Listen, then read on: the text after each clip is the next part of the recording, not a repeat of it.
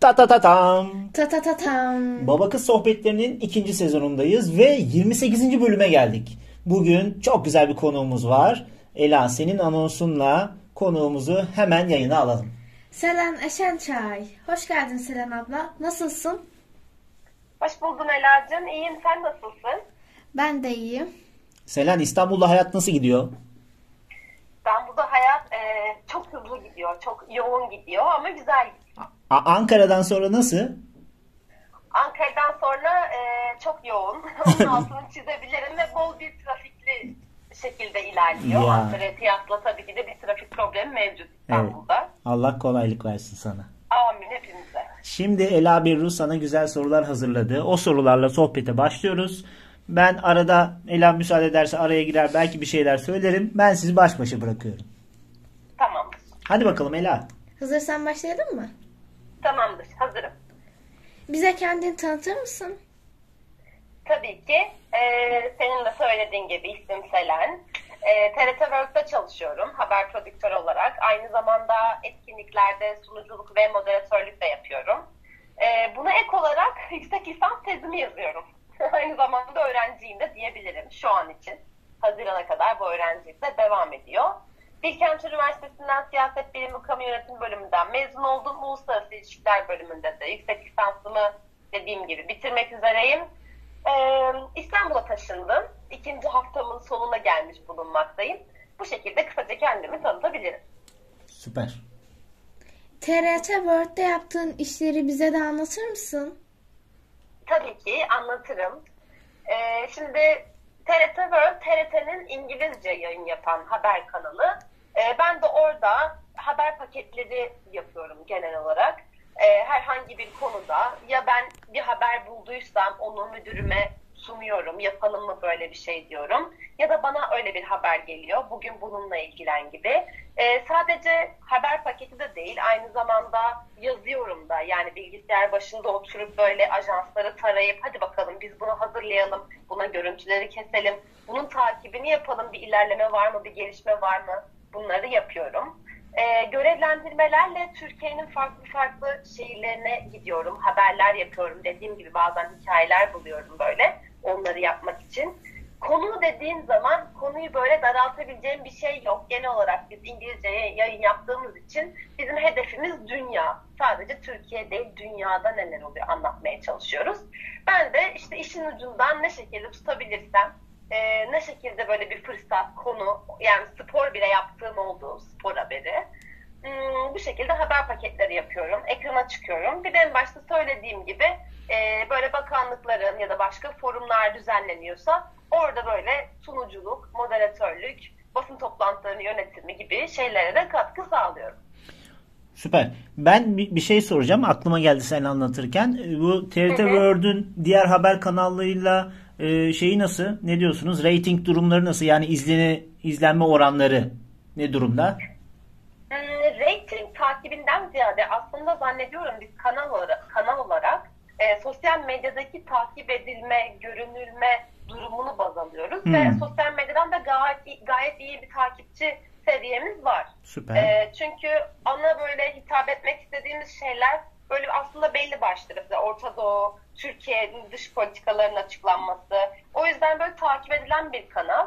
Bir de Türkiye'nin şimdi devlet kanalı İngilizce. hı. Böyle olunca hani Türkiye'de nelerin olduğunu biz aslında anlatınca doğru habere ulaşmak için de İngilizce dışarıdan birisi hani dinlemek istediği zaman e, bu kanala genelde bakıyor. Ama dediğim gibi sadece tek odamız Türkiye olmadığı için e, başka ülkelerde neler olup neler bittiğinde bizim göndermiş olduğumuz muhabirlerin yaptığı haberlerle yine insanlar takip etmek istiyor. Ve sosyal medyada da özellikle YouTube'da ve Instagram'da gayet iyi de bir takipçi sayısı var. Evet, güzel. Teşekkür ederiz. Ela, Rica sıradaki ederim. soru. Peki işteki bir gün nasıl geçiyor Selen abla? İşteki bir günüm nasıl geçiyor? Ee, ikiye ayırabilirim bu soruyu Ela'cığım sana. Eğer ofise gidiyorsam işteki günüm şöyle geçiyor. Ee, kalkıyorum, işe gidiyorum. Ondan sonra shift saatim bu arada benim değişkenlik gösterebilen bir saat. Bazen sabah 5'te başlayan bir shift olabiliyor. Oo. Bazen 11'de başlıyor. Bazen öğleden sonra şifte olmuş oluyor. Biraz daha geç geliyorsun ya da akşam şifte. Çok gece geç bir saatte gidip sabaha kadar kalıyorsun. Ee, o yüzden o böyle uykum alıp almamama göre nasıl nasıl başladığımı böyle değişik şekillerde söyleyebilirim. Ama sana güzel bir 9'da başlayan, sabah 9'da insani bir saatte başlayan şifti söylemek istiyorum. Senin hayalini de kırmak istemem. Tamam. Ee, işe gidiyorum. Ondan sonra dediğim gibi sabah toplantısına giriyorum. Kanalda müdürlerle birlikte o gün neler yapacağımızı konuştuğumuz bir toplantı. Herkes böyle masalara ayrılmış vaziyette. Bu ne demek? Şu demek. Orta Doğu masası var. Orta Doğu'daki ülkelere bakan, takip eden. Avrupa masası var. Türkiye ile ilgilenen bir masa var. Ee, Amerika'daki bir masa var vesaire. Herkes o gün kendi masasından gündemde neyi takip edeceğini birbirlerine söylüyor.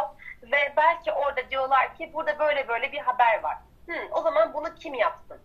Öyle bir durumda ya ben zaten çoktan neyi takip edeceğimi bilmiş oluyorum ya da ben o gün ya da evvelinden aklımda bir hikaye fikriyle gitmiş oluyorum ya da o gün bana müdürüm diyor ki sen bugün bununla ilgilenir misin? Ben de mesai saatimin sonuna kadar o haber paketini nasıl yapmalıyım? Bir haber paketi mi yapmalıyım?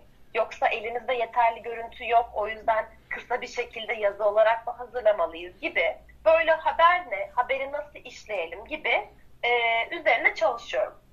Diğer bir anlatmak istediğim şey de şu. Belki de ben sahaya gitmemi gerektirecek bir habere görevlendirildim. Öyle bir durumda da e, başka bir şehre gideceksem önce onun hazırlıklarını yapıyorum. Ya da İstanbul içinde bir görevlendirme ise kameramanı hazırlıyoruz. Ben saçımı, makyajımı ayarlıyorum ofiste. Üzerimi giyiyorum kameraya çıkacağım şekilde. Hazırlanıyorum. Sahaya gidiyoruz haberinin anonsunu çekiyorum. Kameramanla birlikte genel görüntüleri topluyoruz ve vazgeçilmezimiz olan röportajımızı almaya çalışıyoruz e, sokakta. Eğer birinden e, sokak röportajı almamız gerekiyorsa ya da böyle bir uzman biriyle almamız gerekiyorsa da o uzman birinin yanına gidiyoruz. Yine haberde destekleyici bir görüş göstermek için. Genel olarak benim günüm bu şekilde geçiyor aslında. Yani iş yerinde. Basitleşmiş hali bu şekilde. Allah bayağı yoğunmuş. evet ben de anlatırken Değil şu anda evet Seni- gerçekten yoğun. Seni izle söylemişim. Evet, seni izlerken çok kolay gözüküyor buradan ama Ha. Evet. Arka tarafta dönen bir sürü e, emek var değil mi aslında orada? emek var yani e- ekrana çıkmayan e, ama o sürecin içerisine dahil olan bir sürü kişi var. O yüzden her birisine yani biz arkadan teşekkür ediyoruz ama hani dışarıdan bak, bakıldığı zaman sadece sanki o haber o anonsu yapan muhabirinmiş gibi görünüyor ama dediğiniz gibi e, onun kameramanı var. Masa başına geldiğinde ekrana çıkana kadar ki yazılarıyla uğraşan başka bir ekip var gibi böyle bir sürü dallanıp budaklanabiliyor. O zaman biz de buradan senin nezdinde tüm arkadaşlarına teşekkürlerimizi iletelim. ben de aynı şekilde teşekkür ediyorum bir kez daha. Evet Ela sırada ne var? Yeni bir haber yaparken ya da hazırlanırken yayını alana kadar geçen sürede en zor adım hangisi senin için? Ee, en zor adım benim için hangisi? Şimdi bir kere şöyle bir şey var. Ee, sokaktan ya da bizimle konuşmayı kabul etmek konusunda yani insanları konuşmaya ikna etmek, onlardan röportaj almak aslında çok kolaymış gibi kulağa geliyor ama çok zor bir şey. Ee, bu ilki ikna etmek. İkincisi sen kafanda bir haber tasarlıyorsun ve şöyle diyorsun A görüşünü birinden alacağım, B görüşünü birinden alacağım. Ama senin karşına o soruyu cevaplayan kişi C şıkkıyla çıkıyor. Sürpriz oluyor. Ve sen o C şıkkını yani hiç kafanda tasarlamamış oluyorsun. Belki de senin aradığın soruya cevap olmuş olmuyor. Öyle olunca aslında biraz sen yönlendiremediğin için e, ama yine senin üzerinde bir sorumluluk olduğu için bu. Onu yönetmesi zor oluyor. Diğer bir konu şu şekilde. Şimdi e, televizyonda özellikle yani bu gazetecilikte farklı tabii ki de yazılı basında ama bu ekrana çıkan bir şey de az ve öz olmak zorunda. Mesela TRT World'deki bizim haber formatımız maksimum 2-2,5 dakikalık bir haber olmak zorunda. Hmm. E şimdi sen çok büyük bir haberi istiyorsun ki arka geçmişini ver, işte bir sürü kişiden fikir e, belirt, onu anlat, bunu anlat, bunu anlat. Ama bunların hiçbirisi iki dakikaya sığmıyor. Yani mesela bizim formatta birinden ben röportaj aldığımda harika bir röportaj oluyor. Ama haber paketinde göstereceksem ben bunu sadece maksimum 20-25 saniyesini kullanabiliyorum. Öyle olunca masa başına geçtiğinde ben bu haberi nasıl daha kısa, daha kompakt bir hale getirebilirim? Ya da benim bu görüştüğüm, yaptığım e, mülakatları, röportajları hangi can alıcı kısmını kullanmalıyım, onu nasıl diğer, diğerleriyle bağlamalıyım diye e, böyle düşündüğün zaman bunlar e, çok yorucu olabiliyor. Bir de tabii e, sen işte bir muhabir olarak bazen bir prodüktörle ya da bir kameramanla çalıştığında bu ekip arkadaşların değişebiliyor. Hmm. Her zaman çalışmadığın kişilerle denk gelebiliyorsun. E, özellikle şehir dışına çıktığın zamanda da. E, öyle olduğun zamanda da her şeye adapte olabilmen, uyum sağlayabilmen, anlayışlı olman ve ne istediğini bilmen, hazırlıklı olman gerekiyor. Yani aslında ne yapacağını bilirsen birazcık daha böyle o nokta atışıyla böyle hadi bakalım şunu çekelim, hadi bakalım şimdi bunu yapıyoruz gibi karşı tarafa da böyle biraz anlayışla yaklaşarak e, hareket etmen gerekiyor. Onun ucunu bir kere kaçırırsan böyle ya da uyuşmadığını anlayıp böyle demoralize olursan o bir tık böyle işkence dönüşme potansiyeli olan bir süreç. Ama herkesin bir noktada o haber paketini bitirip artık hani cebimizi dolduralım ve dönelim isteğinde olduğu için bir şekilde su akıyor ve yolunu buluyor. Henüz öyle bir kötü bir anıyla karşılaşmadım diyebilirim çok şükür. Süper. Ama işin ne kadar zor olduğunu bir kere daha buradan öğrenmiş olduk. evet böyle zahmetli bir iş ama her iş gibi. Evet her doğru. kendine Kesinlikle. göre bir zorluğu var. Haklısın. Evet. Söz sende. Bu işi yaparken duygusal olarak etkilendiğin haberler oluyor mu? Oluyorsa neler? Ee, tabii ki oluyor.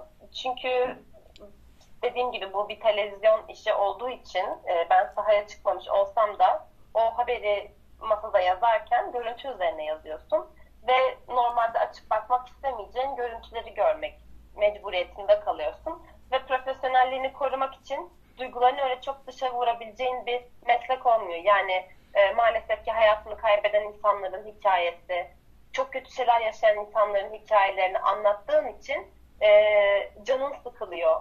Yani birçok görmek istemedin dediğim gibi şeyi görmek zorunda kalıyorsun ama alışıyorsun ve onun profesyonel çizgide devam etmesi için ne yapman gerektiğini böyle artık zaman geçtikçe anlamaya başlıyorsun. E, bu durumda ben sahaya da çıkabilen, yani sahaya da çıkan biri olarak şunu söyleyebilirim. Mesela yakın zamanda yaptığım e, Suriye'den Türkiye'ye gelmiş göçmenlerden böyle çocuk olarak vücudu yanık yaraları almış böyle bir haber yapmıştım. Yani hı hı. Türkiye'de gelmiş tedavilerine olmuş iki kız kardeş.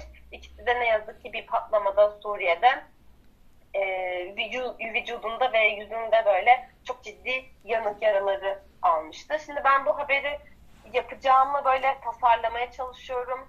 Hassas bir konu olduğu için nasıl yaklaşmalıyım diye düşünüyorum. Şimdi çocuk oldukları için hem onlarda böyle kırıcı ve böyle kötü bir iz bırakmak istemiyorum. Herhangi bir yapacağım soruyla ya da televizyonda şimdi çekeceğiz. Onlar tabii ki de ailesinin onayı var vesaire ama mümkün olabildiğince az görüntüyle ilerleyen süreçte onları mesela kırmaması adına gibi bunu böyle organize etmek tabii ki de bir miktar e, zor oluyor. Bir de şimdi işin içine insan duygular giriyor. Sen onlarla karşı karşıya geliyorsun, onları görüyorsun. Öyle olunca ister istemez gerçekten çok etkileniyorsun e, işi bırakıp böyle keşke ben onlarla ilgilensem, ben ne yapabilirimi düşünüyorsun ama aslında odaklanman gereken oraya görevlendirmeyle gittiğin için ben öncelikle haber olmalı. E tabii ki de haberin işini bitirdikten sonra kimse sana bir şey demiyor. Onlarla görüştün mü, ilgilendin mi, konuştun mu gibi. Beni en çok etkileyen şeylerden bir tanesi yani bu diyebilirim Ela Berru'cum. Çünkü onları o şekilde görmek e, böyle kendi hayat telaşımda ya evet neler nelerle uğraşıyoruz ve neler nelerle kendimizi böyle sıkıyoruz, boğuyoruz ama aslında bizim görmediğimiz tarafta böyle birçok şey yaşanıyor ve ne yazık ki benim bahsettiğim, verdiğim örnekte de gördüğümüz çocuklar yani biri 8, biri 10 yaşındaki iki kız kardeşti ve beni gerçekten çok etkilemişti. En çok etkileyen şey de hani onların her şeye rağmen böyle gülüyor olması yani o hayata dair böyle onu olmak istiyorum, bunu olmak istiyorum gibi mesleki hayallerinin olması e, bu tarz şeylerde bu yani bu haber paketi beni gerçekten e, çok etkilemişti. Bu şekilde söyleyebilirim. Evet, bilmediğimiz hayatlar sizin sayenizde öğreniyoruz aslında biz bunları biraz da. Evet yani hani sadece televizyon değil gazete ya da bir sosyal medyada herkes bireysel olarak böyle birilerinin sesini duyurmaya çalışıyor ama çok ses olduğu için e, ne yazık ki her birisine böyle ulaşamıyoruz. Umuyorum ben ya da benim meslektaşlarım böyle haberler yapmaya devam ettikçe hem biz e, başka bir hayatın olduğu gerçeğini bir kez daha hatırlayacağız. Hani hepimiz biliyoruz zaten bunu. Evet, evet. Hem de bu haberlerle yardım etmek isteyen insanlar varsa bu hikaye ya da bir başka hikayede onlar da böyle önlerine opsiyon olmuş olacak. Hani neler yapabilirim diye kendisine soru soran biri varsa o da tabii ki de böyle haberlerden kendisine bir yanıt çıkartabilmiş olur. Doğru. Süper. Harika. Evet şimdiki soru ne Ela Berru? Devlet insanlarıyla sıkça bir arada, bir arada oluyorsun. Bizim gördüğümüz gibi hep ciddiler mi gerçekten? En zorlandığın kim oldu? Güzel bir soru olmuş bu Ela. evet. Ee, ben dediğim gibi İstanbul taşınalı yaklaşık iki hafta oldu. Daha evvelden de gelip gidiyordum ama evvelinde Ankara'da çalışıyordum. Ee, Ankara'da çalıştığım zamanlarda Cumhurbaşkanlığında işte basın toplantısına gitmek olsun, büyükelçilik ziyaretleri ya da onların yapmış olduğu etkinlikler, resepsiyonlar dediğim gibi e, böyle ciddi bürokratik insanlarla ya da böyle işte bahsetmiş olduğum gibi bakanlarla vesaire böyle görme fırsatım oldu. Ee, tabii ki de dışarıdan böyle gördüğümüz gibi, beklediğimiz gibi o aşırı ciddi hava e, her zaman sürdürmek mümkün değil. Tabii ki de böyle bir sohbetin içine girdiğin zaman onların da gülümsediği, onların da şaka yaptığını e, görüyorsun. Onlarla böyle sohbet edebilmek, ah diyorsun aslında o kadar da işte erişmek zor değilmiş gördün bak denk geldim gibi. Yani dışarıdan baktığın zaman aslında öyle bir şey aklına gelmemiş oluyor insanın. Beklemiyorsun. Ama e, böyle hepsi senin gibi, benim gibi insanlar mesleklerinden dolayı çok daha ciddi olmak e, mecburiyetindeler. Çünkü ilgilendikleri, konuştukları konular, bulundukları ortamlar bunu gerektiriyor. Zaten devlet meseleleri ya da diplomatik ilişkiler başlı başına bir ciddiyet konusu. Ama dediğim gibi özellikle bu e, basın toplantılarından ziyade bu bahsettiğim mesela resepsiyon, işte büyük elçilerin bir araya geldiğinde normalde çok çok böyle ciddi oluyorlar röportaj esnasında. Ama röportaj bittikten sonra nasılsın, iyiyim, sen neler neler, neler yapıyorsun, nerede okudun, işte buradaydım, işte ben İtalya'ya gitmiştim, ha öyle miydi, işte ben de burada burada vesaire gibi. Böyle birden kendini sanki kendi böyle tanıştığın biriyle normal sohbet muhabbet ederken e, olduğun bir ortamda buluveriyorsun. O yüzden bu aşılamayacak bir şey değil. Tabii ki de çok sürpriz oluyor. Her birisi hakkında böyle gitmeden evvel düşüncen olduğun için böyle ah ne kadar da ciddi duruyor dışarıdan. Acaba nasıl olacak falan. Ama hiç böyle beni ah hep de ciddiymiş ya dediğim bir şey zannediyorum olmadı. İyi. Yani muhabbeti girdikten sonra bir şekilde sohbet edebilme şansın oluyor zaten. Evet, harika. Evet sonraki soru. Ela Veru. Hayalinde haberini yapmak istediğin bir konu ya da kişi var mı? Hmm, hayalinde düşünüyorum şu anda. E, spesifik olarak bir şey gelmese de aslında ben e, Erasmus'ta değişim öğrencisi olarak böyle 6-7 ay bir Polonya'da yaşamıştım Varşova'da. Hmm, hatırlıyorum Oradayken, ben o zamanları. Evet. evet. Evet ben orada oradayken e, Visegrad grubu denen böyle Macaristan, e, Çekya, Polonya ve Slovakya'nın olduğu dörtlü grubu gezme fırsatı elde etmiştim ve çok beğenmiştim, çok bayılmıştım onların böyle e, kültürlerine, insanlarına ve ilgi çekici bir siyasi politikaları var, siyasi böyle dengeleri var. E, açıkçası oranın her birisinin lideriyle e, röportaj yapmak isterim. Yani hem genel olarak böyle bir Visegrad grubunun duruşu aslında çok aynı değil her birisinin içerisinde de farklılıklar var ama hem onların cumhurbaşkanları mesela işte Polonya'nın Andre Duda işte ya da Macaristan'ın e, Viktor Orban gibi her birisinin zannediyorum şu an verebileceğim e, cevap bu olurdu. Böyle siyasi liderleriyle bir araya gelip hem kendim için böyle konuşma hem de aslında kanal için yani gazetecilik ya da televizyonculuk adı altında mesleki olarak da onlarla görüşmek çok isterdim açıkçası. Verebileceğim ama herkesle yapmak istiyorsun El Haberum. Herhangi değişen bir şey olduğu zaman bir konu oraya kayıyor. Diyorsun ki ah keşke o röportajı ben yapabilsem, ah keşke oraya ben gidebilsem, keşke o haberi ben yapabilsem diye böyle e, onun içine girdikten sonra böyle bu derya deniz gibi dalgası asla durmuyor. bir kere kapıldığın zaman böyle boş anında bile kendini böyle düşünürken buluyorsun ah ne kadar güzel haber yapmışlar. Keşke ben olsaydım diye. Aa, değil mi? Evet. Böyle bir böyle bir süreç var. Yok değil. İyi bu da güzelmiş. Değil mi? Evet. Hadi bakalım sonraki soru. Adıyaman'da bir çekim sonrası yer sofrası gör- kurarken gördüm seni. Gittiğin yerlerdeki yerel yemekler için neler söyleyeceksin bizlere? Yani evet hatırlıyorum. Ee, o aşı yani ilk zannediyorum Sinovac aşısı mıydı? Biontech geldiğinde miydi? Aşı ikna timleri oluşturulduğunu öğrendik. Yani Hmm. e, özellikle Türkiye'nin doğu kesiminde aşı karşıtı ya da aşıya karşı böyle tereddütleri olan özellikle yaş 65 yaşın üstünde olan kişilerin e, konuya dair bilgilendirilmesi ve aslında mümkünse de ikna olup aşı olmaları üzerine böyle bir e, grup kurulmuştu Sağlık Bakanlığı tarafından. Biz de bu işte, uygulamaların olduğu Adıyaman'a gittik. E, bir köye gittik. Adıyaman'da köye gittik. Sağlık ekipleri de geldi, muhtar da geldi. Aşılar yapıldı. Biz haber paketini tamamladık. Tam gideceğiz. Aslında bu söylediğim şey genelde özellikle doğuya ya da güneydoğuya böyle gittiğim zaman benim karşıma çıkan o doğu insanının e, böyle misafirperverliği, canı yakınlığı hani hep böyle konuşuyoruz ya Türk insanı misafirperverdir diye. Genelde o doğuda böyle çok yoğun bir şekilde iç ısıtan bir durum olarak karşımıza çıkıyor. Muhtar dedi ki lütfen gelin benim evime bir öğle yemeği yiyelim hep birlikte hep birlikte. E tamam dedik kıramadık. Evine gittik. Böyle yemyeşil bahçeler, işte köpekleri var, işte torunları var böyle bir ev. Ondan sonra yukarı tarafa çıktık böyle avlu kısmına. E tutamadım kendimi. Ben ne yapabilirim? İşte birlikte hazırlayalım sofrayı dedim. Yer sofrası kurduk. Böyle bahçesinden toplanmış biberler, domatesler, Oo, harika. salatalıklar çok lezzetliydi böyle. Onların da tekrar ellerine sağlık diyeyim buradan. Ee, böyle bir şeyle karşılaşabiliyorsun. Herkes seni evine davet etmek istiyor. Böyle hani gel diyor. İşte buraya gidebiliriz, böyle bir şey gösterebiliriz oluyor. Çok vaktimiz olmuyor genelde. Hep haber yetiştirme telaşı olduğu için hani böyle genelde ne yazık ki gelemem hani ama çok teşekkür ederim dediğimiz çok oluyor.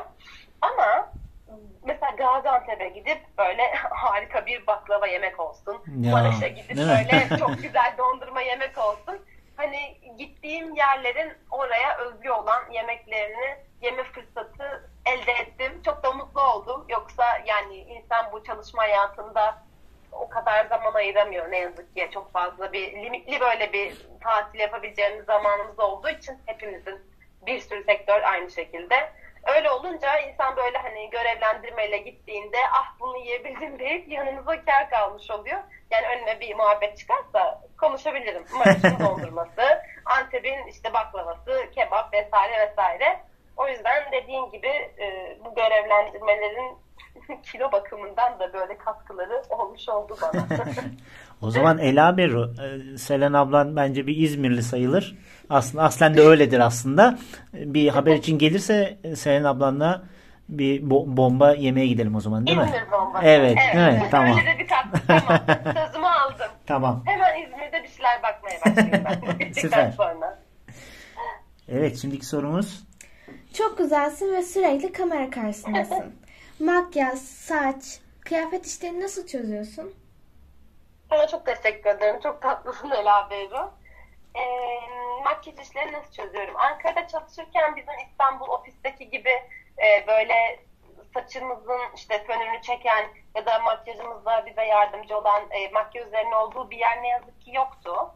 E, o sebeple makyajımı kendim yapıp böyle dışarıda bildiğim ya da bana o anda haber yerine giderken en yakın olan lokasyondaki bir kuaförü tercih ediyordum. Ee, İstanbul'da ama öyle bir ofisimiz var makyaj odası, saç odası diye. Süper. Ee, İstanbul'dan bir yere gideceğim zaman haber görevlendirme ya da bir etkinlik neyse artık önce randevumu alıyorum. Diyorum ki ben böyle böyle bir görevlendirmeye gideceğim. Ee, acaba saçımın işte randevusunu şu saate, makyajımı da bu saate alabilir miyiz diye. Çok tatlı insanlar, çok ciddi insanlar çalışıyor. Özellikle makyaj yapan böyle hanımefendiler var, makyözlerimiz var. Onlar böyle harikalar yaratıyorlar. Böyle silmek istemiyorum suratımı. Haber bittikten sonra ve inanamıyorum diyorum harika olmuş. E, ama tabii bu durumu şöyle bir şeyle anlatabilirim sana. Tabii ben böyle şehir dışındaki yerlere gittiğim için orada riske bırakmamak adı altında genelde Ankara'dan çıkarken atıyorum Maraş'a mı gidiyorum, oraya mı gidiyorum, buraya mı gidiyorum. Hep e, Ankara'da fönümü çektireyim. Ertesi gün eğer haberi çekersem saçım en azından bir nebze daha düzgün olsun mantığıyla birçok kez Ankara'da işimi halletmeye çalışmıştım. Çünkü bazen öyle bir yere gidiyorsun ki ya da hava koşulları çok zor oluyor. Saçını fön çektiriyorsun ama bozuluyor gibi. Orada bir daha çektirmen gerekiyor. Ama sana şunu söyleyeceğim. Bir kere Adıyaman'a gittik işte. Tekrardan bir başka haber yapmaya. Ben dedim ki Adıyaman'a dedim şey bulurum. Kuaför bulurum. Yani orada hallederim dedim. Hava zaten çok sıcak. Ee, orası bir gittik neredeyse 30 dereceye böyle yaklaşmıştı. Ela Bey'le dışarı bir çıktım. Oradan bir ilçesine gitmiştik. Kuaför yok. Eyvah. yani ve e, televizyona evet güzel görünmek istiyorsun. Düzgün görünmek istiyorsun. Yani hani bir kere çekiyorsun o anonsunu. Onu da düzgün yapmak istiyorsun. Ben Adıyaman sokaklarında yürü yürü yürü internete yazdım. Eski kapanmış kuaförleri gidiyorum gidiyorum yok gidiyorum gidiyorum yok. Ama Allah'tan en son bir tane buldum. 40 dakika falan aramışımdır herhalde onu da. Öyle yerlerde yani bazen ilçeye gittiğin zaman e, Google sana çok yardımcı olmuyor. Yani göstermiyor. Soruyorsun, esnafa soruyorsun nerede burada kuaför var diye. E şimdi bazen küçük bir yere gittiğinde de çok alışıldık bir soru olmuyor bu. Yani merhaba pardon kuaför biliyor musunuz acaba buraya? Bakıyor böyle hani adam. Ne kuaförü diyor. diyor kadın kuaförü. Berber mesela. Berbere yönlendiriyorlar mesela öyle bir durumda. Ama onu halletmiştim. Fakat e, işte o an tekrardan dank ediyor. Şey diyorsun. Evet. Hiçbir zaman işini şansına bırakma. Saçını bile düzleştiricini yanına al. Belki çok ihtiyacın olur. Sen yapmak mecburiyetinde kalırsın. Saçının yanacağını bilsen, bilsen de diye. Böyle dediğim e, oldu bu anıyı yaşadıktan sonra. Ama çok şükür şu anda İstanbul çıkışlılarda dediğim gibi harika bir odamız var. Bize yardımcı olan. O yüzden e, çok böyle her şey işler tıkırında işliyor diyebilirim. İyi, süper. Bu Ela'nın en çok merak ettiği sorulardan biriydi. Şimdi son soruya geldik değil mi Ela? Evet. Hadi bakalım son soruyu da sor. Kariyerin ile ilgili planların nedir? Nelerdir? Özel değilse paylaşır mısın? Tabii ki paylaşabilirim. Ee, ben mesleğimi, işimi çok seviyorum. Çok sevdim. Özellikle sahada olmaktan çok keyif alıyorum. Ee, ve gezmeyi de çok seviyorum. Seyahat etmeyi de çok seviyorum. Böyle çok içinde yani muhabirlik alanında böyle ilerlemek istiyorum. Öyle işlediğim, gittiğim yerlerin coğrafyası genişlesin istiyorum. Ele aldığım konular genişlesin istiyorum. Daha evvelki sorularında verdiğim cevap gibi röportaj yaptığım, e, mesela hayalimde, hayalimde konuşmak istediğim, soru sormak istediğim kişilerle bir araya gelebilmek istiyorum. E, bu şu anda benim kariyerimdeki aslında önümdeki evet ben bunu yapmak istiyorum dediğim şey. Bir de Fransızca öğreniyorum şu anda. Onu da İngilizcem kadar iyi yapıp aslında konuşabildiğim ve erişebildiğim e, alanı böyle genişletmek istiyorum. Çünkü o insanlarla atıyorum Fransa'daki ya da Fransızca konuşan e, kişilerle konuştuğun zaman İngilizce'de onların anlatmak istedikleri şey aslında ana dillerindeki kadar özgür olamıyorlar. O yüzden bir insanla ana dilinde konuştuğun zaman çok çok daha fazla bilgiye sahip olabiliyorsun. O yüzden benim diğer bir amacım da Fransızcayı en yakın zamanda İngilizcem kadar e, daha işlevsel, daha profesyonel kullanabileceğim seviyeye getirip e, onu da böyle cebime koyup dediğim gibi bu alanda ilerlemek istiyorum. Şu anda istediğim e, şey bu yönde ama sana şöyle bir şey söyleyebilirim. Sen böyle bir sürü şey hayal ediyorsun. Onu olmak istiyorum, bunu olmak istiyorum vesaire gibi ama bazen işler sana böyle sürprizler getiriyor. Önüne hiç beklenmedik kapılar açıyor. Onu da yapabileceğini, bunu da yapabileceğini görüyorsun. O yüzden ben ne söylesem boş herhalde şu anda. Ama şu andaki böyle çalışmalarımı bu hedefler doğrultusunda böyle planladığımı söyleyebilirim sana. Süper. Harika. Bunu da öğrendiğimiz iyi oldu değil mi? Evet. Evet şimdi sorularımız bitti değil mi Ela Berru? Ama şimdi ilk defa bizim bu bölümde ilk konuğumuz sende soracağımız sürpriz sorularımız var. Selam. Üç tane sürpriz sorumuz var. Bunlar neydi Ela? O mu bu mu? Ya da Şu işte mu? şu mu bu mu? Hangisini tercih edersin gibi mi- mi- minik sorular. Tamam. Evet sor bakalım Selin ablana bunları da. Geçmişe gitmek mi, geleceğe gitmek mi? Hmm. Bence geçmişe gidelim patates kızartması yiyelim yine. Aa, evet. evet. McDonald's ürün yerleştirmesi yapabiliyor musun? Yapalım ya ne olsun olsun. Oyuncaklı menüler. ya geçmişe. Yani geçmişe gitmek diyelim ya. Gelecekte neler olacağını öğrenmek istediğimden çok emin değilim ve geçmişime de güzel şeyler yaşadım. Böyle çok güzel bir sürü anı aklıma geliyor. O yüzden cevap hakkımı geçmişten kullanıyorum. Evet geçmiş diyoruz. Sonrakini soralım Ela. Ev yemekleri mi, sokak lezzetleri mi? Şu an bunu annesinden uzakta olan birinin Ya değil mi? O yüzden ev yemekleri. ev yemekleri. Bunu derken annemin tavuklu tavuklu böyle tavuk suyu çorbasını hayal ederek söyledim. Hı. anneme selamlar. Sevgi- sevgiler. sevgilerimizi Ellerine yolluyoruz. sağlıklar. evet son olarak Kitap mı, film mi? Hmm. Bak bunu eskiden olsa kitap derdim. Ama şimdi kitap okumaya böyle bir zaman ayıramadığım için kitap dersem kendimi yalancı hissedeceğim için zannediyorum film. film. Yani film film diyorum evet film. Yani eskisi kadar kitap okuyamıyorum ne yazık ki. Yani kitap değil ama mesela makale vesaire haberdir okuyorum ama maalesef ki kitap Zaman okuyamıyorum. olmuyor değil mi? Evet evet film. Maalesef Ela Berucum film. Tamam. O zaman e, bu bölümün sonuna geliyoruz yavaş yavaş. E, biz konuk aldığımız bölümlerdeki konuklarımız için ilk sezonda LÖSEV'e bağışta bulunuyorduk Selenci. Bu ikinci sezonda da Ahbap Derneği'nde bağışta bulunuyorduk. Bugün senin için de bağışta bulunduk. Senin de bilgin olsun. Ya çok teşekkür ederim. Rica ederiz. E, katıldığın için teşekkür ediyoruz. Ben davetiniz için çok teşekkür ederim. Bu keyifli sohbet için de çok teşekkür ederim. Evet. Çok naziksiniz. Çok Benim- keyifliydi benim için. Biz de teşekkür ediyoruz. Sen şimdi sorulara cevap verirken benim aklıma geldi. Ee, senden bir şey rica edeceğim. Ee, ama Tabii. öncesinde şey yapalım. Ela e, her bölüm sonu genelde sosyal bir mesaj veriyor. Sürpriz bir şey çıkıyor. Ee, bu bölüm söylemek istediğin bir şey var mı Ela Berru? Var. Var mı? Ne diyeceksin? Savaşa hayır. Oo süper. Bu tam cuk, cuk oturdu bir haberciyle yapılabilecek en, en güzel cümle oldu. Tamam. Senden şunu istiyorum ben eğer olursa. Şimdi aklıma geldiği için söylüyorum. Ee, sen mesela e, bir haberi sonlandırır gibi bir anonsla bu bölümü bitir. İngilizce olsun. Hmm. Değil mi? Güzel olmaz mı? Hani sonunda diyorsun ya Selene Şençay, işte İzmir gibi işte bir şeyler söylesen. Aa, evet. Olur, O zaman tamam. e, sen mikrofon sende efendim. Başlıyoruz kayıt. Thank you so much for listening this episode, the second season, the first episode with Ela Beru Emra and also Selen from Istanbul. And what we can say is Selene Şençay, TRT World Istanbul, and the others are from Izmir. Teşekkür ediyoruz. Görüşmek üzere. Görüşürüz. Rica ederim. Görüşmek üzere. Hoşçakalın. İyi akşamlar. İyi akşamlar.